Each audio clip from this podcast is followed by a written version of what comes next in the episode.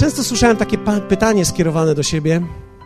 Wiele osób, szczególnie kiedy rozpoczyna swoje chrześcijaństwo, zadaje pytanie: skąd mogę wiedzieć, że rosnę? Że moje życie jest rozwojowe? Skąd mogę wiedzieć, że ja naprawdę rozwijam się? Wiecie, oczywiście pragniemy budować kościół z ludźmi, dla których rozwój jest ważną wartością życia. Muszę powiedzieć jedną rzecz, to co zobaczyłem e, przez ostatnie 20 lat tutaj w tym miejscu. Tylko ci, dla których rozwój ich osobisty jest wartością, zostaną tutaj. Dlatego, że wartość ta oznacza rzucanie sobie samym ciągle wyzwań do tego, aby się zmieniać, aby dojrzewać i aby rosnąć. I to jest jeden z największych przywilejów mojego życia być z ludźmi, którzy się rozwijają. Wspaniałe to jest. Wiecie, kiedy myślę o tym, co na, zadałem na, na, początku takie pytanie, co jest tym znakiem rozwojowego, rozwojowego życia, ponieważ ja wierzę w to, że rozwój można poznać po znakach.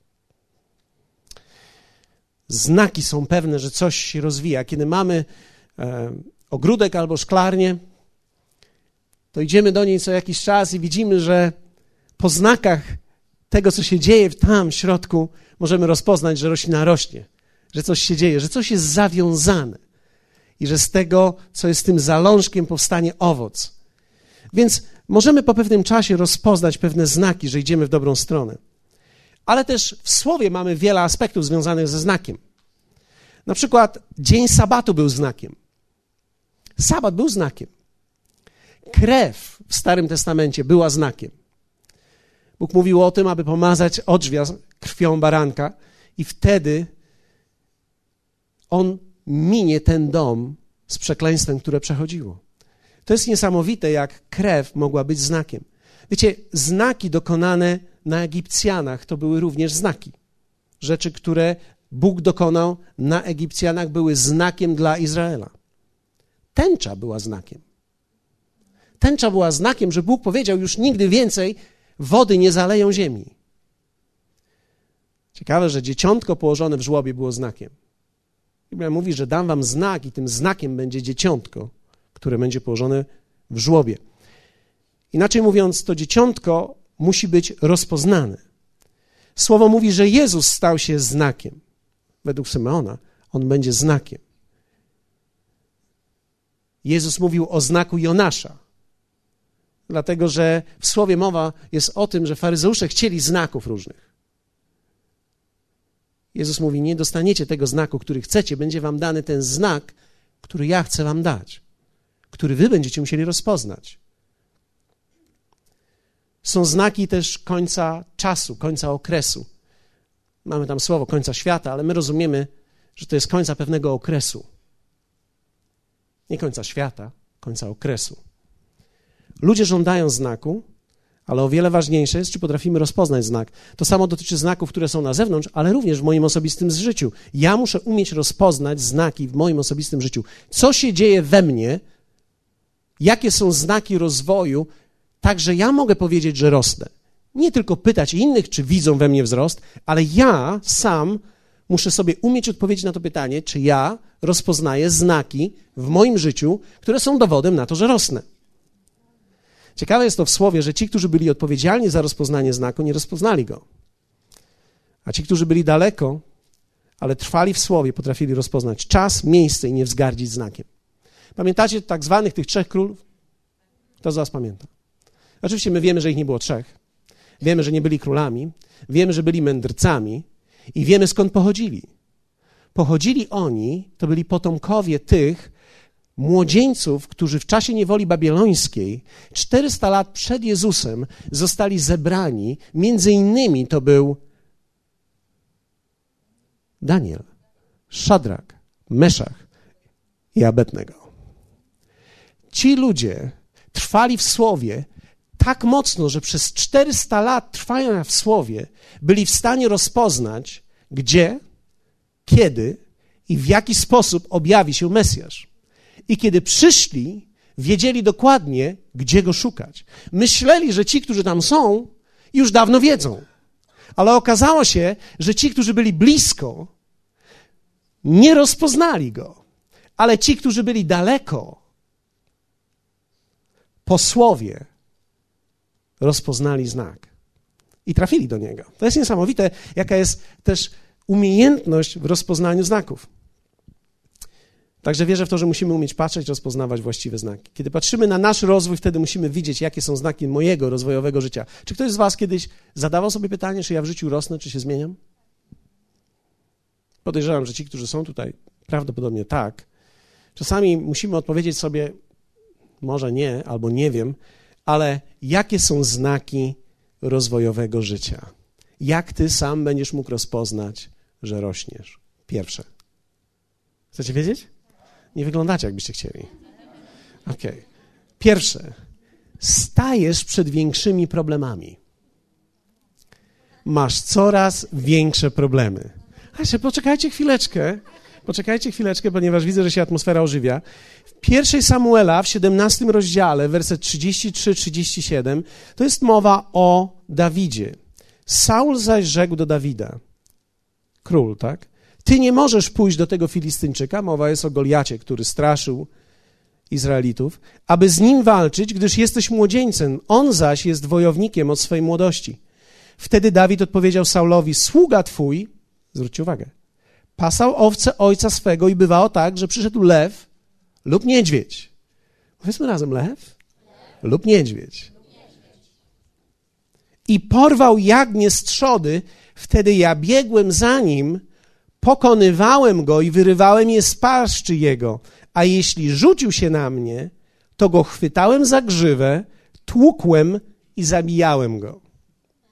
Otóż lwa i niedźwiedzia kładł trupem sługa twój i ten Filistyńczyk nieobrzezany, możecie podkreślić, to słowo jest ważne, będzie jak jeden z nich, ponieważ lżył szeregi Boga żywego. I rzekł jeszcze Dawid, Pan, który mnie wyrwał z mocy lwa czy niedźwiedzia, wyrwy mnie też z ręki tego Filistyńczyka. Rzekł więc Saul do Dawida, idź, a Pan będzie z tobą.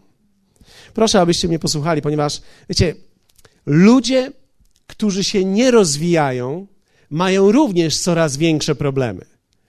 Więc sekundę, poczekajcie, dlatego że stajesz przed większymi problemami. To jest wielka różnica między stawaniem przed większymi problemami, a stawaniem przed tymi samymi, które mają po prostu większy rozmiar. Czyli nie są to jednak większe problemy, ale często są to te same problemy w bardziej ostrych stanach. Wygląda to w ten sposób: kiedy boli cię trochę ząb i nie zadbasz o niego, to on, mimo że minęło na chwilę, on z powrotem do ciebie powróci. On powróci do ciebie być może w stanie zapalnym. Czyli osoby, które się rozwijają, nie tylko rozwijają się w większych problemach, ale oni zmieniają obszar tych problemów. Czyli kiedy ktoś miał problem z finansami i rozwiązał ten problem, to teraz będzie rozwiązywał problemy finansowe na zupełnie większym poziomie. Natomiast jeśli ktoś miał problem, żeby przeżyć, i po 10 latach w dalszym ciągu masz problem, żeby przeżyć, i po 20 latach masz problem chroniczny, żeby przeżyć, to wcale nie oznacza, że teraz masz dużo większy problem po 20 latach. Oznacza, że masz dużo większy ten sam problem. Ale cały czas tu chodzi o przeżycie. Natomiast kiedy człowiek pokona lwa i niedźwiedzia w danym momencie, to wtedy jest moment na Goliata. Ja wierzę w to, że człowiek może rozpoznać swoje problemy po swoich problemach, czy się rozwija, czy nie. Jakie dzisiaj masz problemy? Czy one są większe? Czy to są te chroniczne i ciągle cię boli coś? I ciągle masz problem, że cię ktoś zdradził, ktoś cię opuścił, znowu jesteś sam, byłeś sam, zawsze walczyłeś, żeby nie być sam i znowu jesteś sam. Wszyscy cię oszukują i cały czas cię oszukują i przez 20 lat cię oszukują i teraz masz już chronicznych ludzi, którzy cię oszukują, stany chroniczne. Więc to są stany zapalne tego samego problemu. Ale ludzie, którzy się rozwijają, stają przed większymi problemami. Ja wierzę w to, że człowiek, który się rozwija, tak naprawdę coraz większe ma problemy. I to nie dlatego, że stoi w miejscu, ale dlatego, że podejmuje ciągle nowe wyzwania. Ludzie, którzy się rozwijają, na początku wierzyli o tysiąc złotych, teraz wierzą o 15 tysięcy. A za 3-5 lat będą wierzyć o 35 tysięcy. Dlaczego? Nie dlatego, że potrzebują na spłatę długów, bo nic nie zrobili ze sobą, gdy mieli tysiąc, ale dlatego, że rozwijają siebie. Rozwój zawsze ma w sobie większe problemy. Ale to jest w porządku, bo to oznacza, że jesteś gotowy na nie. Bóg zawsze chciał umieścić ciebie w największych problemach, jakie to jest możliwe. Posłuchajcie mnie, to brzmi źle, ale to brzmi źle, wiem. Większość ludzi w kościele szuka ucieczki od problemów. Czyli przychodzą do kościoła i modlą się, Panie, uwolnij mnie od wszystkich problemów. Ale w pewnym sensie jest to niebiblijna modlitwa. Dlatego, że Bóg, wybierając Ciebie, nie chce uwolnić Ciebie od problemów, ale chce Ciebie rozwinąć, tak abyś mógł pokonywać coraz większe problemy. Więcej powiem, nie tylko swoje, ale innych. Wiecie, to co jest piękne, to najpierw Dawid zabił lwa i niedźwiedzia dla swojego ojca i rozwiązał problem swojego domu. Ale ponieważ się rozwijał, był w stanie rozwiązać problem dla swojego kraju. Ja wierzę w to, że my jako Kościół na początku rozwiązujemy i bijemy lwa i niedźwiedzia dla naszych domów.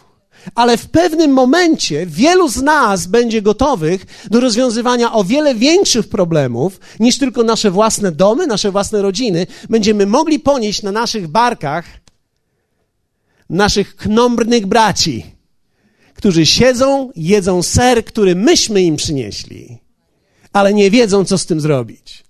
Wierzę w to, że Bóg powołuje ludzi, aby rozwiązywali coraz większe problemy.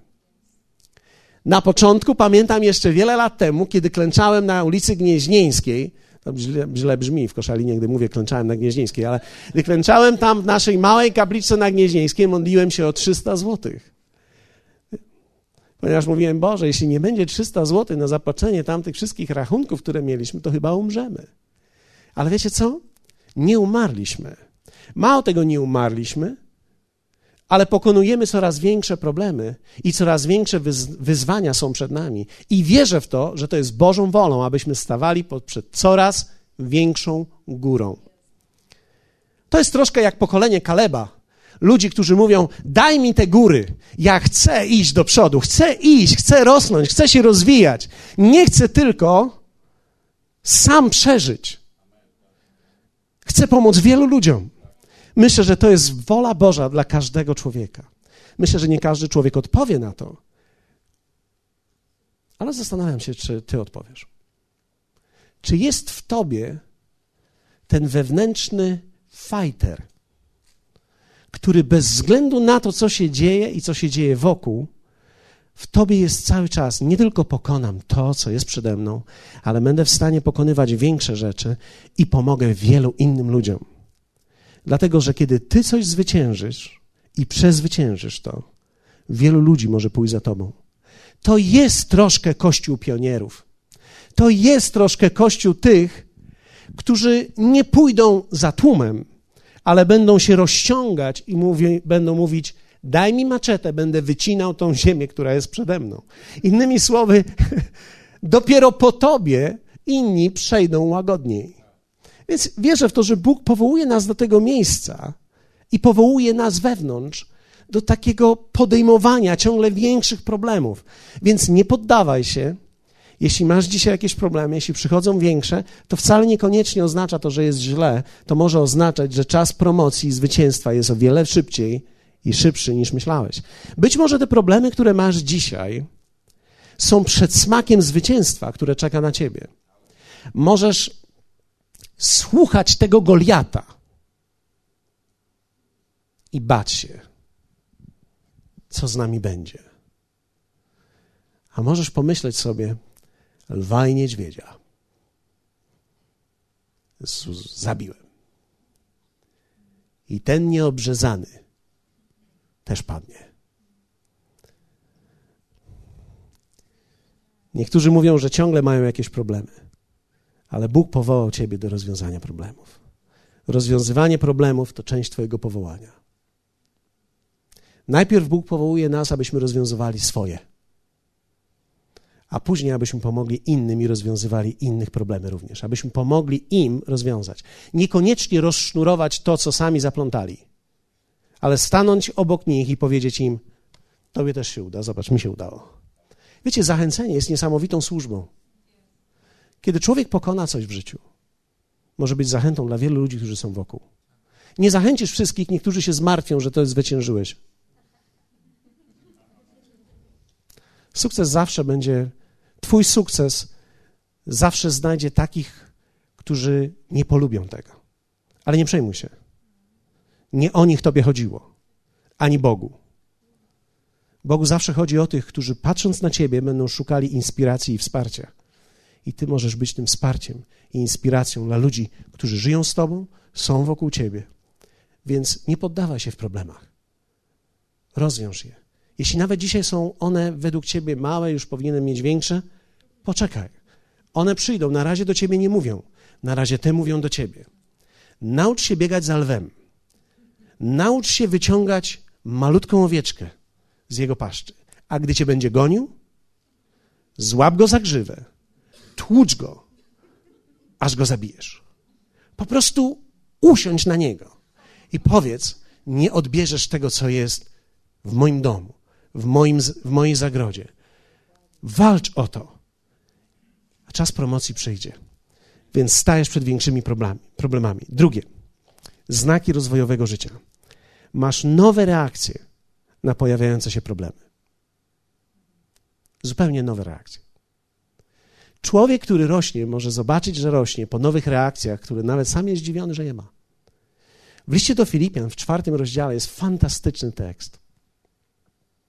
W wersecie szóstym i siódmym. Apostoł Paweł, podkreślam to często, ponieważ czasami mamy, nie, nie mamy tego obrazu do końca, ale apostoł Paweł tak naprawdę większość nowego E, swoich listów, on jest oczywiście autorem większości Nowego Testamentu, ale większość swoich listów napisał będąc w więzieniu. I wiecie, nie w więzieniu z telewizorem i z wideo. To było więzienie półtora metra pod ziemią, przykryte kratą tylko z góry. I do tej kraty był przykuty. I pisał tam, dyktując nawróconemu strażnikowi – Skąd to wiemy? Ponieważ on powiedział: Nie przejmujcie się, bo ten, który pilnował mnie, tak? Trzymał straż. To, że byłem tam zamknięty, spowodowało rozprzestrzenienie się Ewangelii. Być może Bóg wiedział, że ten strażnik potrzebuje Ewangelii. Wsadził apostoła Pawła do więzienia i tak się ten człowiek nawrócił. Genialne, prawda? Nigdy nie wiesz, czy ten twój ciemny dzień, czarny dzień to nie jest moment dla kogoś, w którym ty możesz pomóc. Będąc w więzieniu, pisze do kościoła tak: Nie troszcie się o nic, ale we wszystkim w modlitwie i błaganiach. Dokładnie to słowo greckim to jest w uwielbieniu i w prośbie. Zwróćcie uwagę na kolejność. W uwielbieniu i w prośbie. Czyli najpierw wielbię, później proszę z dziękczynieniem. Wiecie, dziękczynienie to jest bardzo ciekawa, bardzo ciekawa kanapka. Uwielbienie, prośba, przykryte dziękczynieniem. Za co dziękuję? Dziękuję za to, o co prosiłem, bo wiem, że już otrzymałem, bo ten, który mnie słyszy, zawsze mnie wysłuchuje. Jezus powiedział te słowa: Ojcze, dziękuję Ci, bo Ty mnie zawsze wysłuchujesz. Ojciec zawsze Ciebie słyszy i zawsze Ciebie wysłuchuje, kiedy Twoja modlitwa jest modlitwą zgodną ze Słowem. Dlatego jest tak ważne, abyśmy znali Słowo Boże, abyśmy wiedzieli, jaką modlitwą możemy się modlić, ponieważ kiedy modlimy się zgodnie ze Słowem, możemy za chwilę dziękować Mu za to, że nam odpowiedział, bo On zawsze wysyła odpowiedź. Więc to jest ta kanapka uwielbienie, prośba i dziękczynienie. I mówi, nie troszcie się o nic, ale we wszystkich modlitwie i błaganiach z dziękczynieniem powierzcie prośby wasze Bogu. I teraz werset siódmy. A pokój Boży. Greckie słowo na pokój to jest airene, które oznacza poczucie satysfakcji i zwycięstwa. Poczucie całkowitego spokoju wewnątrz i w umyśle. A pokój Boży, który przewyższa wszelki rozum, co to oznacza? To oznacza, że pokój, który jest wewnątrz, jest w stanie uspokoić nawet umysł. Nie mówcie tylko tego nikomu, bo to jest wielka tajemnica. Niektórzy ludzie próbują uspokoić swój umysł, ale umysł można uspokoić pokojem Bożym. Pokój Boży jest tak namacalnym doświadczeniem, że jest w stanie sprawić, że Twój umysł funkcjonuje właściwie. Czy ktokolwiek z Was był kiedyś w chwili stresu, jakiejś trudnej sytuacji? Wiecie, niektórzy ludzie reagują panicznie na problemy. Niektórzy krzykiem, niektórzy płaczem, mężczyźni obrażaniem albo nie, nierozmawianiem z kimś, obruszeniem się, milczeniem. My mamy różne sposoby na wyrażanie naszych odczuć, sytuacji trudnych. Niesamowite jest, kiedy pokój Boży pozwolisz, aby On zamieszkał w tobie, aby się rozwinął w tobie. To oznacza, że się rozwijasz w Bogu. Kiedy przychodzi trudna sytuacja, Twój umysł jest klarowny. Całkowicie klarowny. Jakaś zła wiadomość przychodzi, to, co jest wewnątrz Ciebie, staje się silniejsze od myśli, które przychodzą. I uspokaja to nawet Twoje myśli. Apostoł Paweł mówi: A pokój Boży, który przewyższa wszelki rozum, strzec będzie serc Waszych i myśli Waszych w Chrystusie Jezusie. Owoc pokoju Bożego jest kształtowany w tobie i przenosisz to na innych. Czy wiecie, że można to przenieść na innych? Zaczynasz żyć w nowym poczuciu bezpieczeństwa. Wtedy to jest znak, że się rozwijasz. Dochodzisz do miejsca, że w końcu nie o ciebie tu chodzi. Wiecie, to jest niesamowite, kiedy od czasu do czasu ktoś ci czymś zagraża. A ty możesz odczuwać, że tak naprawdę nie przejmujesz się tym. Dlaczego? ponieważ nie o ciebie tu chodzi. Nie można ci w pewnym sensie nic zrobić.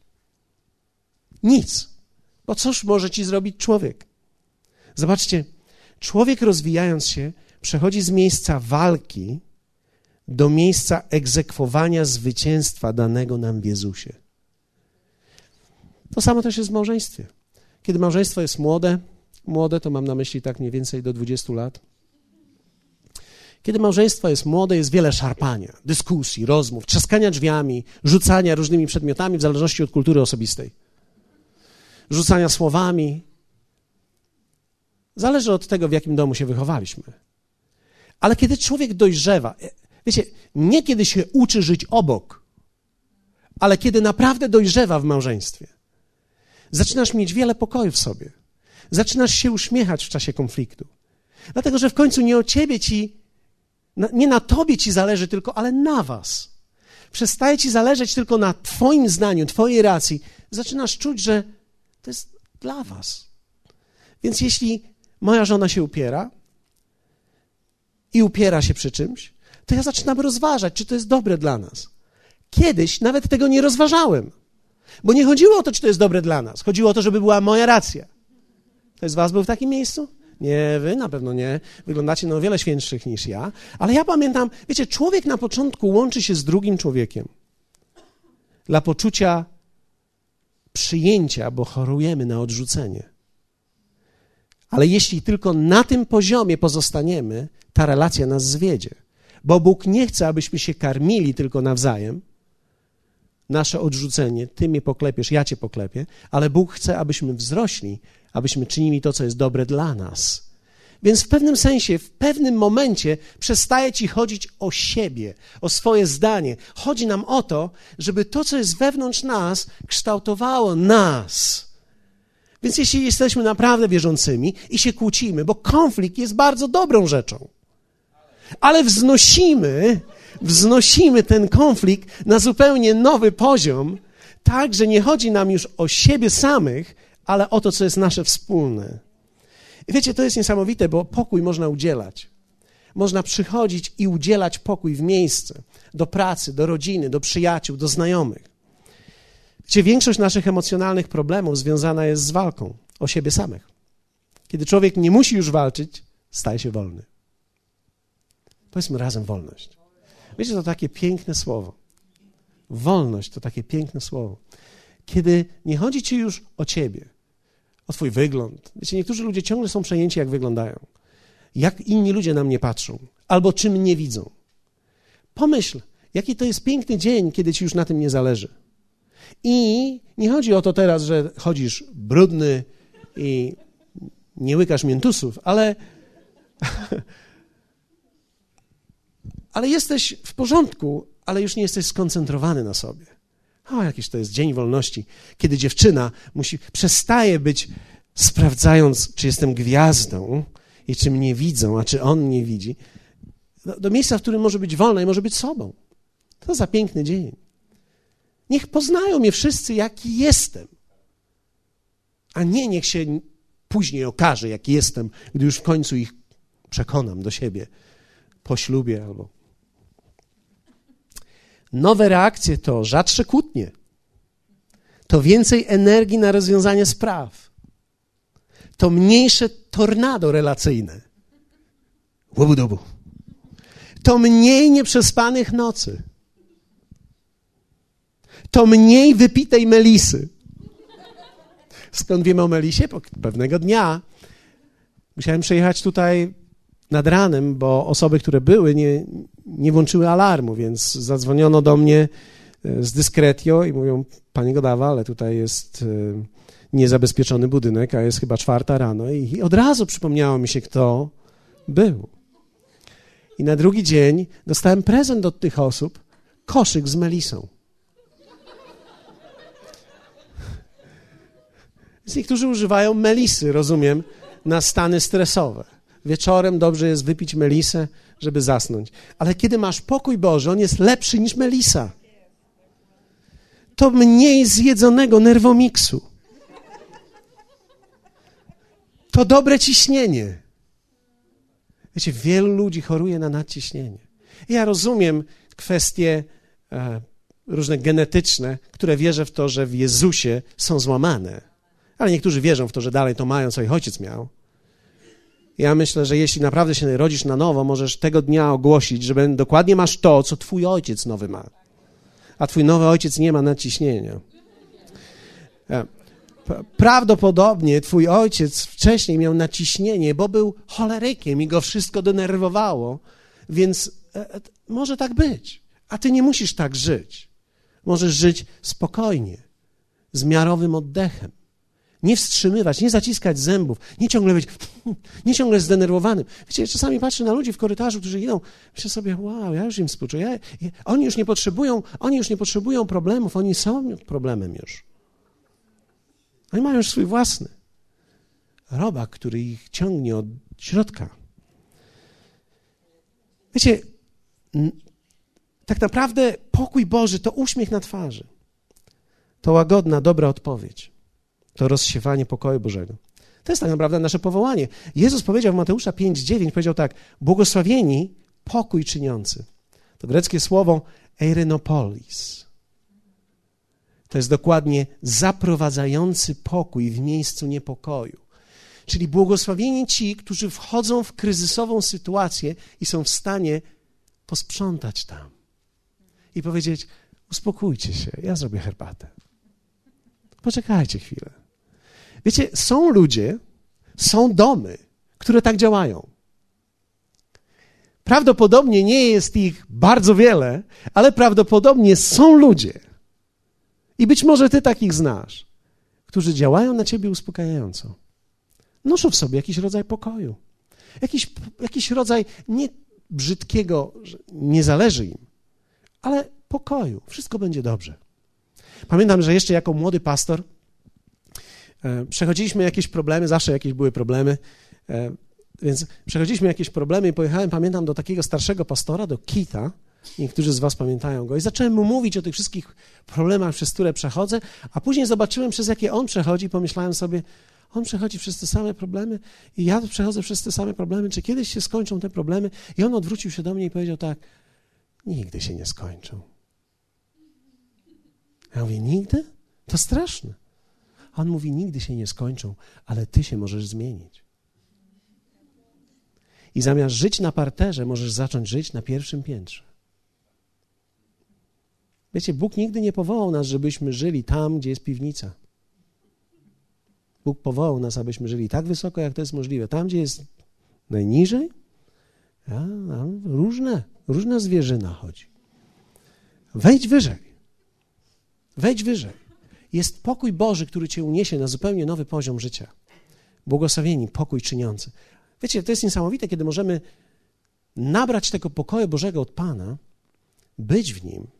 Czasami to jest po spotkaniu, czasami odczuwamy, że Bóg naprawdę do nas przemawiał, czasami czytamy rano słowo albo modlimy się, idziemy do pracy i wiecie, już idąc nawet do pracy idziemy z innym nastawieniem. I nawet ten człowiek, który przechodzi obok i burknie, my myślimy, no on się z nikim dzisiaj nie spotkał jeszcze, a my już po. I, I, wiecie, to jest takie niesamowite, dlatego że Bóg jest nieprawdopodobnym źródłem pokoju. W nim znajdziesz ten pokój i będziesz miał zupełnie nowe reakcje na problemy. Nie będziesz panikował, zaczniesz trzeźwo myśleć, zaczniesz mieć trafne decyzje i będziesz odczuwał, że rośniesz. Hej! Będziesz mówił, wiecie, niektórzy ludzie, patrząc na ludzi, którzy się rozwijają, mówią, he, ci to nie w ogóle nie mają problemów. Ciekawe dlaczego. Wiecie, to nie jest dlatego, że ci ludzie nie mają problemów, to jest dlatego, że po nich nigdy nie zobaczysz, że mają problemy. Dlatego, że oni mają problemy i je rozwiązują. Oni nimi nie żyją. Nie przeżywają ich w sobie. Ciśnienie, włosy, łyse, jakieś tam. Wiecie, oni nie przeżywają tego tak. Oni mają pokój. To jest cudowne. I trzecie. Znaki rozwojowego życia. Zostało nam 4,28 i postaramy się to zrobić. Jaki jest znak? Powiększasz grono osób w swoim życiu. Hmm. Nie mówię tu o liście sprzedażowej, kontaktach, które masz w komórce, ale o przyjaciołach, ludziach, którym pomagasz. Jako niedojrzali ludzie budujemy niedojrzałe relacje oparte na wzajemnym lizaniu ran. Cały świat jest zły, dlatego musimy się trzymać razem. Wiecie, że ludzie się zawsze łączą najczęściej, najlepiej, gdy mają wspólnego wroga. Ja rozpoznałem to po naszym biurze. W dniu, w którym ja stałem się wrogiem ich wszystkich, pokój zapanował między nimi. Dopóki ja byłem ich przyjacielem, oni walczyli ze sobą. Inaczej mówiąc, człowiek zawsze potrzebuje wroga. Więc ja, jako wolontariusz, zgłosiłem się. Powiedziałem, ja będę najlepszym wrogiem was wszystkich. I każdego dnia mi to udowodniają, że tak jest. Jestem ich wrogiem, a w tym samym czasie nie ma lepszego wroga niż ja. Każdy chciałby mieć takiego wroga. Wierzcie mi. Z wyjątkiem diabła. Jako niedojrzali ludzie. To straszne, ale czasami grupy religijne mają takie założenia sekty, grupy religijne mogą żyć właśnie w taki sposób. Cały świat tkwi w złym, jeno my w dobrym. To jest małe. Tak małe jak orzeszek. Niedojrzali męczą się. Niedojrzali ludzie męczą się z ludźmi. Męczą się, ponieważ nie potrafią być sobą w grupie. Nie potrafią być sobą w grupie i szukają samotności. Ona natomiast ich dobija, bo nie można w życiu wzrastać bez ludzi, chyba że mowa o wzroście w poczuciu swojej wyższości. Samemu wtedy się rośnie najszybciej. Więc kiedy człowiek jest sam i zaczyna o sobie dobrze myśleć i wierzyć w to, najszybciej wzrośnie wtedy w tym myśleniu. W 2 Koryntian 4:15 apostoł Paweł powiedział fenomenalne słowa. Kiedy przeczytałem to pierwszy raz, nie zwróciłem na to uwagi, ale kiedy przeczytałem to po 20 latach, zauważyłem coś. Wszystko to bowiem dzieje się ze względu na Was, aby im więcej jest uczestników łaski, tym bardziej obfitowało dziękczynienie ku chwale Bożej. Zobaczcie, apostoł Paweł mówi: To wszystko dzieje się ze względu na Was. Inaczej mówiąc, te zmiany, które się dokonują, dzieją się ze względu na Was, aby im więcej było uczestników łaski, im więcej ludzi, którzy uczestniczą w tej łasce, tym bardziej obfitowało dziękczynienie ku chwale Bożej. Tylko dojrzali ludzie budowali dom i będą budować dom dla kogoś i dla siebie. Wiecie, ja nie buduję tego kościoła dla siebie. Powiem więcej. Żaden mądry człowiek nie buduje domu fizycznie dla siebie. Wiecie, myśmy w listopadzie się wprowadzili do naszego domu i któregoś dnia usiadłem i pomyślałem sobie, wow, to jest wspaniałe, mam dom. Usiedliśmy, pomyśleliśmy sobie, Bóg był dobry, wierny w tym wszystkim. Siedzimy w naszym domu i wtedy ulśniło mnie. Ten dom nie jest mój. Po pierwsze, od listopada do stycznia mieliśmy tylu gości, że moja córka pomyślała sobie, że nagramy i na, nagramy tak jak w muzeum, zrobimy nagranie, co gdzie jest, żeby każdy mógł przejść z tym nagraniem, ponieważ moja żona chodziła z każdym gościem i tłumaczyła mu to samo. Byliśmy znudzeni, wiedziałem dokładnie, co powie, w każdym momencie to samo mówiła. A Oliwia biegała z tacą z kuchni i któregoś dnia spotkaliśmy się w drodze i ona spojrzała na mnie i mówiła, fantazja. Ale wiecie, mniej więcej już luty, marzec, kwiecień zaczęliśmy mieć, Marta przyprowadziła swojego chłopaka, Mateusz przyprowadził swoją dziewczynę. I, i za nagle nam się, jeszcze nie do końca, ale nagle nam się rodzina powiększyła, Oliwia jeszcze czeka, chwała Bogu, że jest Oliwia. E, i, i w pewnym sensie e, nagle zobaczyłem, że, że nic w życiu człowiek nie powinien robić na mało, tylko zawsze na więcej. Nie kupuj sobie nigdy jednego fotela, chyba że masz tylko swój pokój i gdzieś daleko. Ale wierz mi, że pewnego dnia ktoś odkryje ten Twój pokój i tam wejdzie i zrobi z niego swój pokój. Nam się wydaje, że budujemy rzeczy dla siebie, ale mądry człowiek nigdy nie buduje rzeczy dla siebie, buduje je zawsze z myślą o innych ludziach. Więc tak samo jest w domu Bożym, w kościele. My wierzymy Bogu, że Bóg będzie przyprowadzał swoich ludzi tutaj. Nie wszystkich, nie wszyscy tu będą powołani, nie wszyscy się tu odnajdą, ale Bóg powoła ludzi do tego miejsca. I wierzcie mi, za każdym razem, kiedy oni będą, i w tą niedzielę będziemy przyjmować jedną osobę, bardzo szczególną osobę, bardzo szczególnie ją przyjmiemy też, specjalnie, bo będzie mowa o sile jednego człowieka i w taki specjalny sposób zrobimy jej same trudności, żeby przeżyła i pamiętała to do końca swoich dni, że została przyjęta do tego kościoła. Ale, ale to, tę osobę przyjmiemy, ale wiecie co? Takich osób będzie później dziesiątki, setki i tysiące. Jeśli nie za naszego życia, to życia pokolenia, które przychodzi. I to jest dla nas radość, bo nie budowaliśmy tego nigdy dla siebie. Nigdy nie kupowaliśmy tego krzesła i tylu krzeseł, żeby samemu w nich wszystkich usiąść. Ale kupowaliśmy, bo wierzyliśmy, że niektórzy z Was będą. Zanim się pojawiliście, wiedzieliśmy, że będziecie.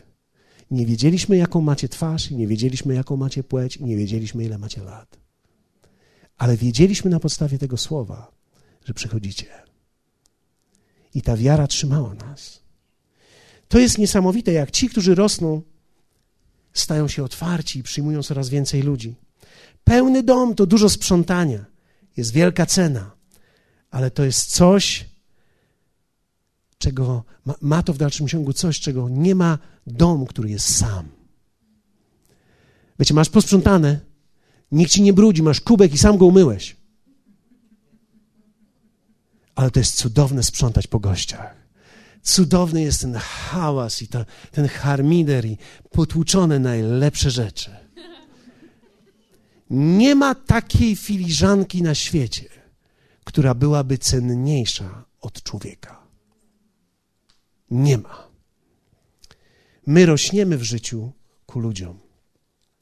Człowiek przestaje rosnąć, kiedy zaczyna mówić: A dobrze jest pobyć w domu. Kupmy sobie bambosze, paluszki i posiedźmy. Kiedy nie włączymy ludzi w to, co świętujemy, to koniec. Wiecie, czasami organizujemy Sylwestra tutaj, a niektórzy mówią: Kupię sobie chipsy, posiedzę w domu. Ja lubię siedzieć w bamboszach w bamboszach, to się umiera.